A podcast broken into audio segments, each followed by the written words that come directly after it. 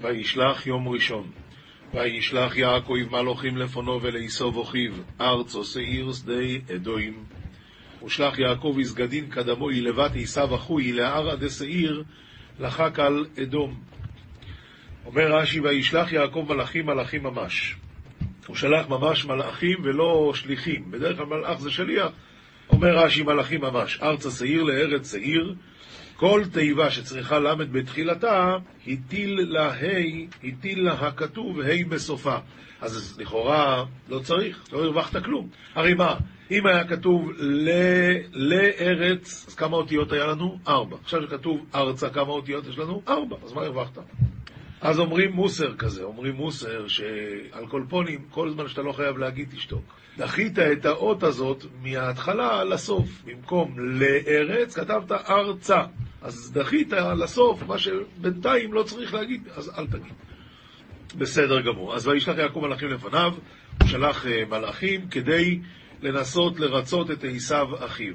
ויצב או יסום לאמו ערכוי שימרון לאדוני לעשוב, כוי אומר עבדכו יעקב במלובון גרתי, ובוא איכר עד, עד אוטו. ופקיד יתון למימר כדי תימרון לריבוני לעשו כדנן אמר עבדך יעקב עם לבן דרית ואוכרית עד כען. גרתי. אומר רש"י, לא נעשיתי שר וחשוב אלא גר. אינך כדאי לשנוא אותי על ברכות אביך, על ברכות אביך שברכני הווי גביר לאחיך, שהרי לא נתקיימה בי.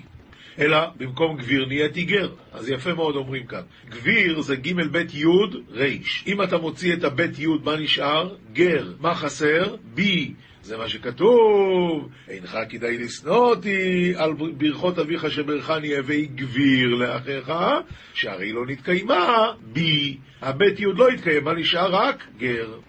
דבר אחר, גרתי בגימטריה תרי"ג, כלומר עם לבן הרשע גרתי, ותרי"ג מצוות שמרתי, ולא למדתי ממעשיו הרעים. יפה. יפה מאוד, ומה אייסוב הוא כזה רב ראשי שצריכים להגיד לו, שמע, אני שומר מצוות ואני לא פספסתי כלום, זה בכלל מדבר אליו? התשובה היא, הרי אייסוב ידע שיעקב, שיצחק אמר לו, והיה כאשר תריד ופרקתהו לו מעל צוואריך. אז הוא בא להגיד לו, תדע לך שאני עוד לא מרדתי, אני עוד לא מרדתי, אני בינתיים משמר הכל. ועוד שאלה צריכים להבין איך יכול להיות שהוא שמר את הכל, הרי איפה היה לו אבא ואמא שם לכבד אותם, ואיפה היה לו יהודי לתת לו קצת צדקה, ואיפה היה לו, מה הוא עשה שם? התשובה היא, תרי"ג מצוות שמרתי. מלשון ואביו שמר את הדבר, היוישב ומצפה. והיוישב ומצפה הזה, כשאדם מצפה מתי יבוא לידו לעשות את המצווה, זה גם נקרא שמירת המצווה. פסוק ו' ויהי לי שוער וחמו ירצוין ועבד ושפחו ואש לכו להגיד לאדוני למצואי חן בעיניכו ואבו ליטורין וחמרין ען ועבדין ועמן ושלחית לך ועל ריבוני להשכח הרחמין בעינך. אומר רש"י ויהי לי שור החמור אבא אמר לי מתר השמיים ומשמני הארץ. בברכה שקיבלתי את זה אבא אמר לי. אבל זו אינה לא מן השמיים ולא מן הארץ. שור וחמור דרך ארץ לומר על שברים הרבה שור אדם אומר לחברו, בלילה קרא התרנגול, ואינו אומר קראו התרנגולים, אלא קרא התרנגול. ויש לך להגיד לאדוני להודיע שאני בא אליך למצוא חן בעיניך שאני שלם ממך ומבקש אהבתך. אני שלם ממך ומבקש אהבתך, לא רוצה לריב איתך. פשוט.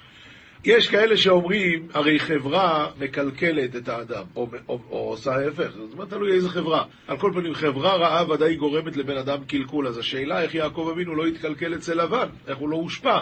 התשובה שאומרים, ראית פעם אחד שעובד ברפת, שאחרי עשרים שנה ברפת הוא יתחיל לעשות מו? לא. למה לא? כי זה בהמות, מבהמות לא מתקלקלים. זהו זה, אומר יעקב אבינו, עם לבן גרתי ותרי"ג מצוות שמרתי, ואיך לא התקלקלתי? התשובה היא, ויהי לי שור וחמור. אני התייחסתי אליו כאילו הוא שור או חמור, ואז ממילא לא התקלקלתי.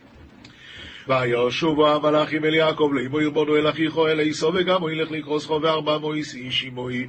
ותבו יסגדיה לבת יעקב למימר עתינה לבת אחוך לבת עשה ואף עתי לקדם אותך וארבע מהגברא אימי רש"י, באנו אל אחיך אל עשיו שהיית אומר אחי הוא, אבל הוא נוהג עמך כעשיו הרשע עודנו בשנאתו. אוי ויהירו יעקב מאויד וייצר לו ויחץ אסור אשר איתו יבס צאן וסבוקו והגמלים לשני מחנויס ודכי יעקב לך דבר עקת לי, עקת לי, עקת לי, וייצר. ופליג ית עמא דעימיה וית ענא וית תורי וגמליא לתרין משריין. הוא התכונן למלחמה, ואיך הוא מתכונן למח... למלחמה? תריין משיריין, שתי מחנות, רש"י. המחנה האחת והכהו, כאן רש"י נכנס קצת לעניין של דקדוק, אבל זה דקדוק מאוד מעניין, שרש"י אומר שמחנה זה גם זכר וגם נקבה. איך רואים? כי כתוב, אם יבוא אה רגע, עוד לא למדנו את הפסוק הזה, סליחה. ויאמר אם יבוא עשו אל המחנה האחת והכהו המחנה הנשאר לפליטו, הנשאור לפליטו.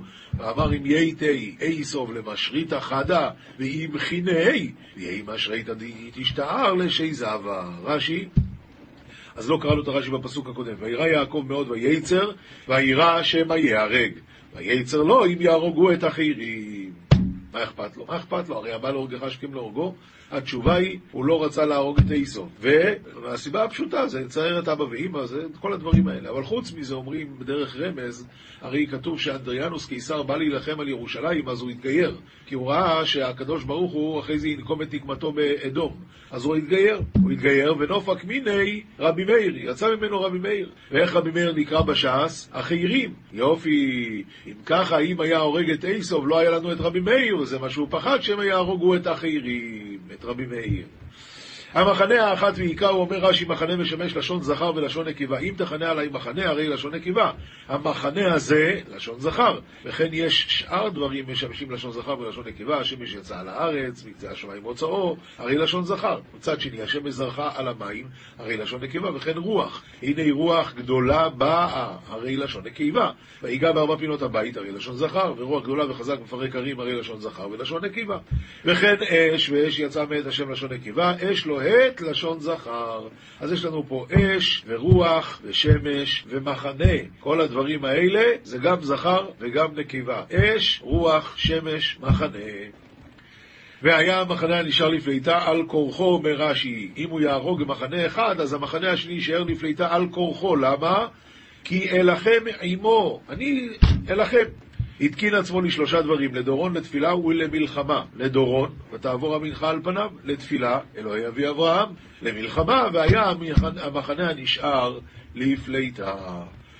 השאלה, הוא אומר שהמחנה הנשאר יהיה לפליטה על כורחו. מי אמר? יכול להיות שיהרוג את המחנה הראשון, ויהרוג גם את המחנה השני. מה הפשט? אומר הגאון מווילנה, אימא שלהם התנבאה, למה אשקל גם שניכם יום אחד, ימותו שניהם, עשיו ויעקב ימותו ביום אחד. ויעקב אבינו שם את עצמו במחנה הראשון, ואת המחנה השני הוא שם במרחק של יום, מהלך יום. אז עשה חשבון, אם יבוא עשיו אל המחנה האחת ויכהו, אז הוא יהרוג את יעקב. אם הוא יהרוג את יעקב, הוא מוכרח למות באותו יום. אז למחנה השני הוא לא יגיע, והיה המחנה הנשאר לפליטה. עד כאן הפסוקים ליום הראשון.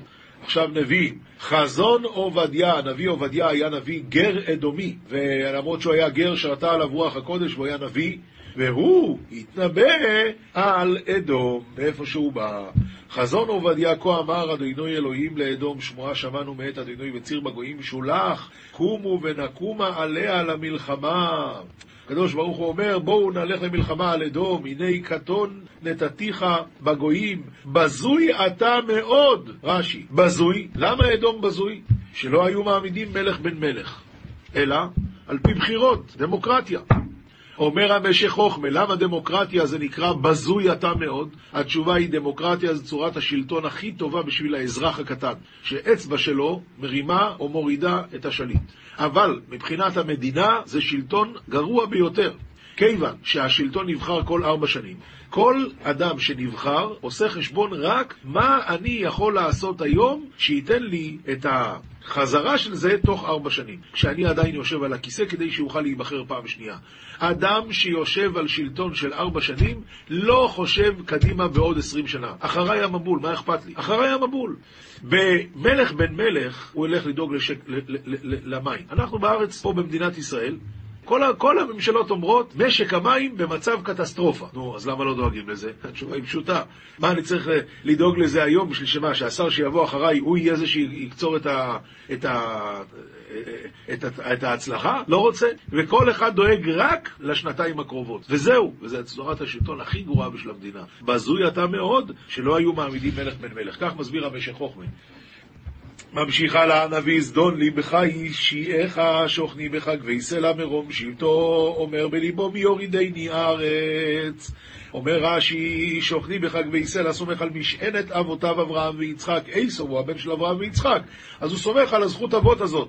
ולכן יושב גבוה ואומר לא יקרה לי כלום אם תגביה כנשר, אומר לו הנביא, ואם בין כוכבים שים קינך, משם הורידך נאום אדוני. אם גנבים באו לך, לך, אם שודדי לילה, איך נדמית? הלא יגנבו דיים.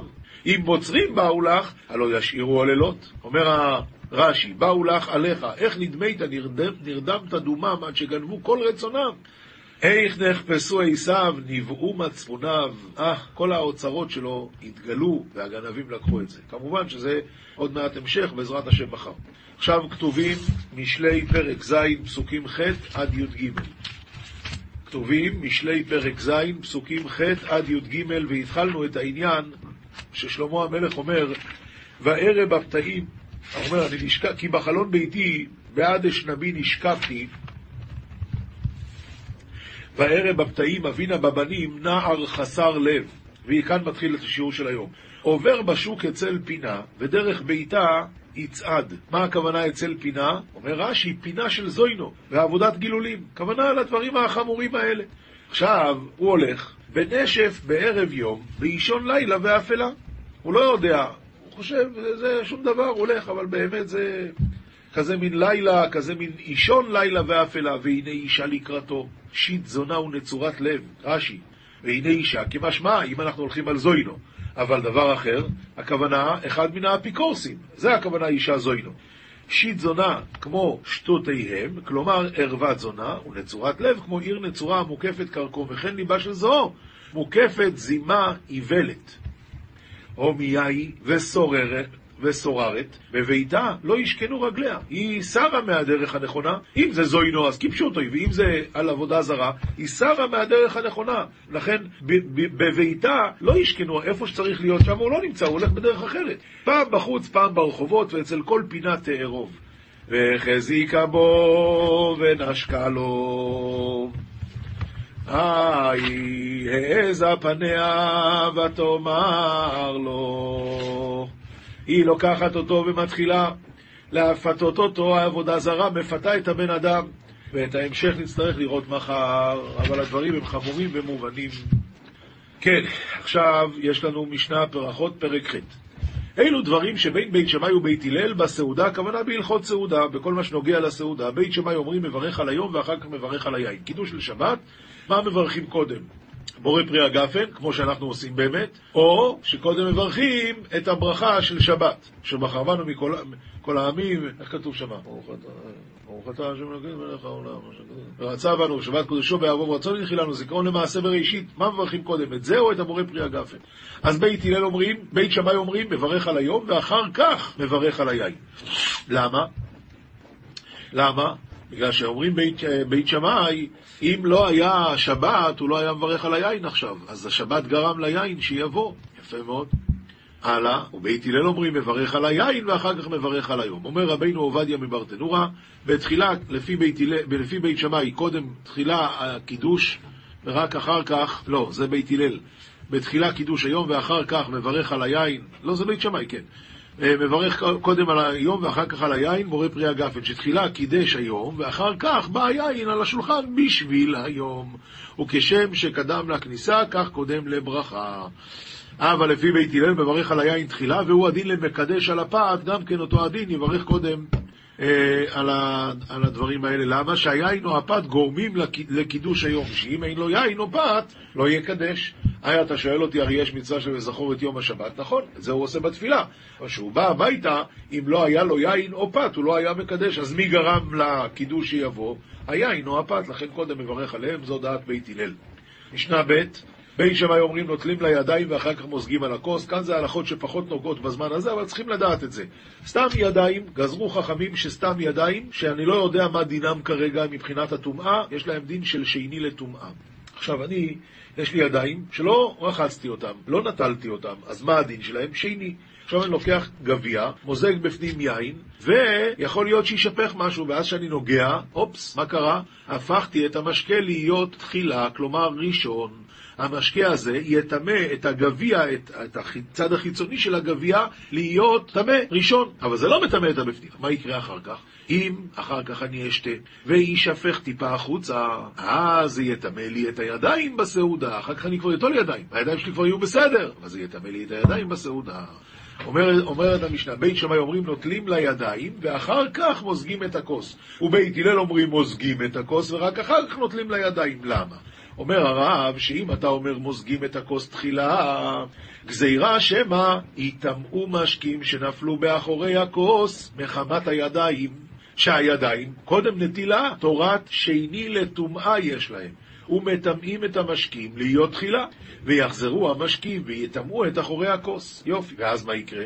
שהמשקים שנטמאו מטמאים כלים מדרבנון, אלא שהקלו בטומאה זו שכלי שנטמאו אחוריו במשקים טמאים, לא נטמא תוכו, ולא ידיו, ולא עוגנו. אבל מה? סברי בית שמאי, אסור להשתמש בכוס שאחוריו טמאות, אף על פי שלא נטמא תוכו. גזירה, שמא ינצזו ניצוצות מתוכו על אחורי הכוס, ויקבלו המשקים טומאה מחמת אחורה, ויטמאו את הידיים. זה כבר בתוך הסעודה, כן? אחרי שהוא כבר נטל ידיים, עכשיו הידיים בסדר, אז יטמא לו את הידיים. לכן אומרים בית שמאי, קודם כל תיטול ידיים, ואל תטמא לי פה את הכוס. אבל בית, אה, בית הלל סוברים, זה בית שמאי, בית הלל סוברים, שהם לא, גזרו על זה, ולכן מוזגים את הכוס ושותים אותו, ואחר כך נותנים ידיים. זהו. עכשיו, משנה ג' בית שמאי אומרים, מקנח ידיו במפה, ואז מה קרה? המפה נהייתה רטובה. אם היא רטובה, היא יכולה עכשיו לקבל טומאה, ומניחה על השולחן. ובית הלל אומרים, לא, על הכסף. רבינו עובדיה ברטנורה, מקנח ידיו במפה מנטילת מים ראשונים, ומניחה על השולחן, ומקנח בידיו תמיד מזוהמת התבשיל. הרי הם אכלו אז עם הידיים, אז כל פעם צריך לנגב. ולא יניחנה על הכסת שהוא יושב בה, גזירה, שמא יהיה הכסת ראשון לטומאה, ויהיה משקה תופח במפה מחמת ניגוב הידיים, ואותו משקה כשנוגע בכסת נעשה ראשון. דלעולם המשקים נעשות תחילה. משקה שנוגע בטומאה הוא תמיד נהיה ראשון, ראשון לטומאה. וחוזר ומטמא את הידיים כשמקנח בה תמיד בתוך הסעודה. אבל בשולחן, ליקה למגזר אחי שאסור להשתמש בשולחן שהוא שני לטומאה. אז על זה לא גזרו. אבל באים בית הלל וחולקים וסוברים שיניח את זה על הכסת. למה? אומרים בית הלל, מותר להשתמש בשולחן שהוא שני לטומאה, ואם ככה, אם המגבת תהיה רטובה והוא שם אותה על השולחן, הילקח לא יניח המפה על השולחן, שמא יטמאו המשקים שבמפה מחמת השולחן, ויחזרו ויטמאו את האוכלים. משנה ד' בי שמאי אומרים מכבדים את הבית ואחר כך נוטלים לידיים, ובייס הלל אומרים נוטלים לידיים ואחר כך מכבדים את הבית. כאן מדובר על מים אחרוינים. עכשיו, להם לא היה בלטות, להם היה חול. נפלו פירורים על, השולח... על הרצפה, אם הפירורים הם כזית, ועכשיו יתלו על זה מים אחרוינים, אז זה יימאס. לכן אומרים, צריך קודם לכבד את הבית, ורק אחר כך ליטול מים אחרוינים. באים בית הלל ואומרים, אני לא חושש לזה. למה? כי צריך שיהיה לבן אדם שמש בסעודה, אבל השמש צריך להיות דווקא תלמיד חכם. ואם הוא תלמיד חכם, הוא כבר אסף את הפירורים. אבל הלכה במקרה הזה כבית שמאי, כיוון שבאמת מותר להשיג גם, גם אה, שמש, עם הארץ. משנה ההיא בית שמאי אומרים נר ומזון ובשמים והבדלה. אדם שבמוצאי שבת הוא התחיל לאכול בסעודה שלישית ונמשך, נמשך כבר מוצאי שבת עכשיו. אז איך הוא עושה? בית שמאי אומרים, קודם מברך על הנר, ואחרי זה ברכת המזון, ואז בשמים והבדלה. הבדלה תמיד בסוף, בגלל שכמה שלהאריך את השבת יותר. ובית הלל אומרים נר, בשמים, מזון והבדלה. בית שמאי אומרים, איך מברכים על האש? שברא מאור האש. ובית הלל אומרים, בורא מאורי האש. יש כאן שתי מחלוקות. בית, בית שמאי אומרים ברא, בית הלל אומרים בורא. בית שמאי אומרים מאור, ובית הלל אומרים מאורי. למה? כי בית שמאי אומרים, יש פה אש אחת. בית הלל אומרים, נכון, אבל יש לה כמה גוונים. עכשיו, ברא ובורא, שאלה ככה, ברא זה ודאי טוב. בורא, בית שמאי סוברים שבורא זה משמע להבא, וזה לא נכון, זה הרי היה בעבר. אבל בית הלל אומרים שבורא זה גם כן, גם כן משמע לי שעובר, אז ממילא אפשר לברך בורא, וככה אנחנו מברכים בורא מאורי האש. משנה ו' אין מברכים לא על הנר ולא על הבשמים של עובדי כוכבים. למה? זה אותו הדבר ולא על הנר ולא על הבשמים של מתים. למה? מפני שלא הדליקו את זה בשביל זה. לא על הנר ולא על הבשמים של עובדי כוכבים נר, משום שלא שבת. שהעובד כוכבים עשה מלאכה לאורו, וקיים עלן אור של אור שלא שבת, אין מברכים עליו הואיל ונאבדה בו עבירה. ובשמים של עובדי כוכבים, בבשמים שהם במסיבה שעובדי כוכבים מסובים בה, בה לסעודה מאירי, ולא מברכים על זה מפני שזה לא בא בשביל, לא בא בשביל ריח. עכשיו, לא, לא בשביל זה לא, בגלל שזה לעבודת כוכבים. סתם בשמים של עבודי כוכבים זה לעבודת כוכבים, לכן לא מברכים על זה. עכשיו, לא על הנר ולא על הבשמים של מתים, נר, מפני שזה לא בא להעיר, לא הדלוקו את זה בשביל לעשות אור בכלל, מת לא צריך אור, ולבשמים זה גם כן לא בא להריח, זה רק בא להעביר את הסירחון של הנפטר. ולא על הנר ולא על הבשמים שלפני עבודה זרה, זה פשוט מפני שזה דברים שאסורים, ובסוף מסיים את המשנה, אין מברכים על הנר עד שיאותו לאורו, לכן לפני שמברכים צריכים לעשות ככה לראות לפני שמברכים. משנה ז' מי שאכל ושכח ולא ברך, או בית שמאי אומרים יחזור למקומו ויברך, חייב לברך באותו מקום. בית הלל אומרים יברך במקום שנזכר. עד אי מתי הוא מברך? עד כדי שיתעכל המזון, שעה ושתים עשרה דקות אם הוא אכל לחם. משנה ח' בא להם יין לאחר המזון ואין שם אלא אותו הכוס. עכשיו אני צריך גם בשביל ברכת המזון וגם בשביל לשתות. אז איך אני אעשה? אז בית שמאי אומרים מברך על היין, ואחר כך מברך על המזון בלי יין. ובית הלל אומרים מברך על המזון, ואחר כך מברך על היין וישתה, כי ברכת המזון כן צריכה כוס. אונין אמן אחר ישראל המברך, ואין אונין אמן אחר הכותי המברך, עד שישמע כל הברכה. הכוונה, אני שמעתי רק בורא פרי הגפן, אני אגיד אמן או לא? אם זה ישראל בירך, כן, תגיד אמן. ודאי שהוא אמר, ברוך אתה השם. אבל אם כותי בירך, אני לא יודע מה הוא אמר לפני שהכל נהיה בדברו, אז זה בעיה. יותר טוב לא להגיד עליו אמן. עכשיו לגבי מה שדיברנו, שמי שאכל ושכח, והשאלה אם צריך לחזור למקום שלו לברך, או שיכול לברך במקומו, בזה דנה הגמרא, וזה הגמרא עכשיו, מסכת ברכות דף נ"ג עמוד ב'. אומרת הגמרא, עומר רב זביד ואיתימה רב דימי בר אבא, מחלוקת בשכח, אבל במזיד, דברי הכל יחזור למקומו ויברך. שואלת הגמרא פשיטא, ושכחת נא, נו מה, ברור שמדובר על שכח. עונה הגמרא, מהו דתימה הוא הדין אפילו במזיד, והיידק תני ושכח, להודיעך כוחן דבית שמאי, שאפילו בשכח חייב לחזור למקומו. תמש מלן, לא. קם בית הלל מודים שאם זה היה מזיד הוא חייב לחזור למקומו. תניא, אמרו להם בית הלל לבית שמאי לדבריכם, מי שאכל בראש הבירה ושכח. וירד ולא בירך. אז מה, יחזור לראש הבירה ויברך? מה אתה רוצה שעד עכשיו למעלה יעלה? אמרו להם בית שמאי לבית הלל לדבריכם, מי ששכח ארנקי בראש הבירה לא יעלה ויתלנה. אה, אם הוא שכח שם אלף דולר, אתה יודע שהוא יעלה חזרה. אם ככה, לכבוד עצמו הוא עולה, לכבוד שמיים, לא כל שכן. הנהו תרי תלמידי, חד עביד בשוגג כבית שמאי. הוא עשה בשוגג כבית שמאי, מה פירוש הוא חזר? ואשכח ארנקא דדהבא, מצא ארנק של זהב. וחד עביד במזיד כבית הלל, ומה קרה? אכליה אריא.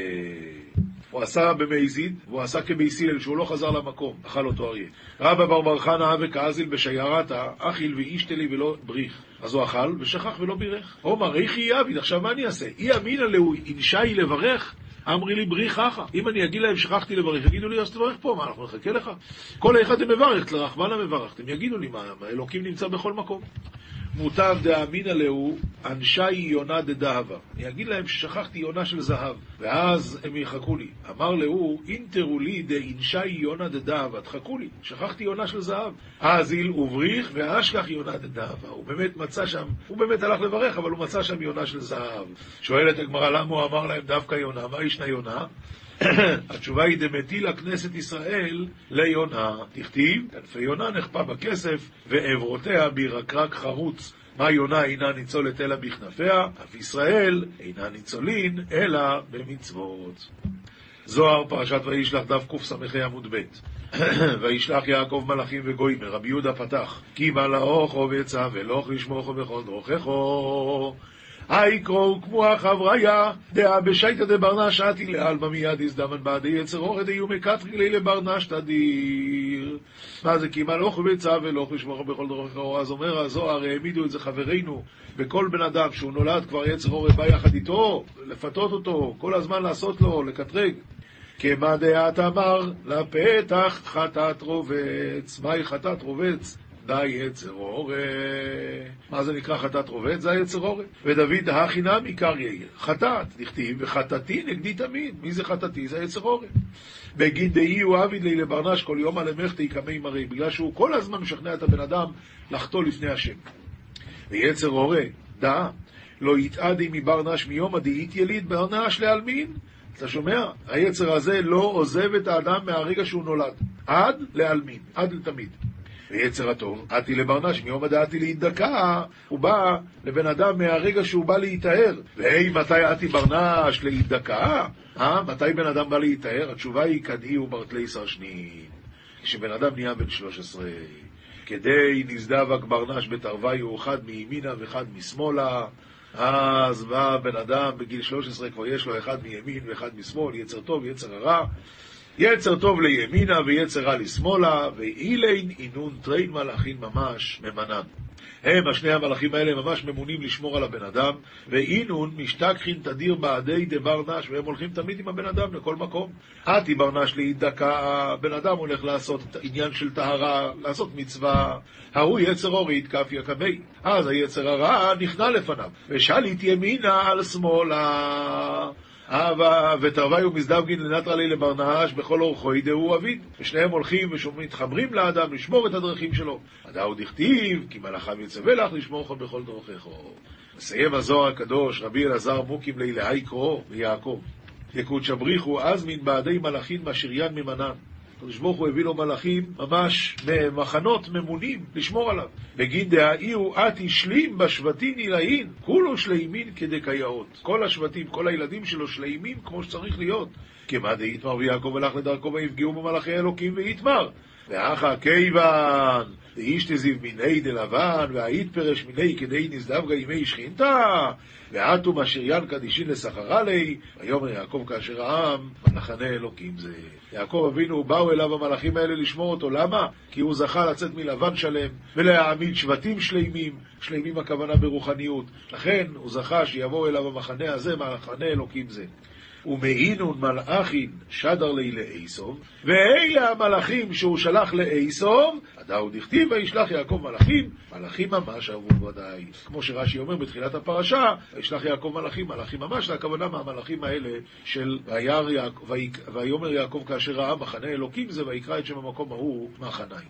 רמב"ם, הלכות תלמוד תורה, פרק ד', אין מלמדים תורה אלא לתלמיד הגון, נאה במעשיו או לתם. אבל אם היה הולך בדרך לא טובה, מחזירים אותו למוטב ומנהיגים אותו בדרך ישרה ובודקים אותו, ואחר כך מכניסים אותו לבית המדרש ומלמדים אותו. אמרו חכמים, כל השונה לתלמיד שאינו הגון, כאילו זרק אבן למרקוליס, שנאמר, כצרור אבן במרגמה, כן נותן לכסיל כבוד. ואין כבוד אלא תורה, שנאמר, כבוד חכמים ינחלו. זה שהיום זה שהיום אנחנו מלמדים אה, גם לאנשים שהם עדיין לא שומרים מצוות, כמו שעושים לב לאחים למשל, זה בשביל להחזיר אותם בתשובה, על ידי המאור שבא מחזירו למותם.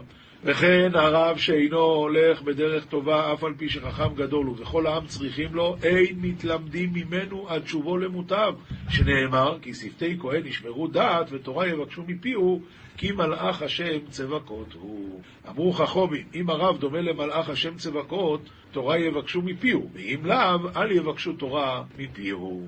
הלכה ג' כיצד מלמדין? הרב יושב בראש והתלמידים מוקפים לפניו כעטרה, כדי שיהיו כולם רואים הרב ושומעים דבריו. ולא ישב הרב על הכיסא ותלמידיו על הקרקע, אלא או הכל על הארץ או, או על הכיסאות. ובראשונה היה הרב יושב והתלמידים עומדים, ומקודם חורבן בית שני נהגו הכל ללמד לתלמידים והם יושבים, כי חולשה ירדה לעולם.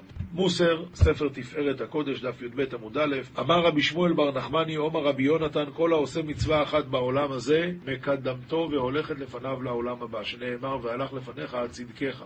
וכל העושה עבירה בעולם הזה, מלפפתו והולכת לפניו ליום הדין, שנאמר, ילפתו אורחות דרכם, יעלו ותוהו ויאבדו.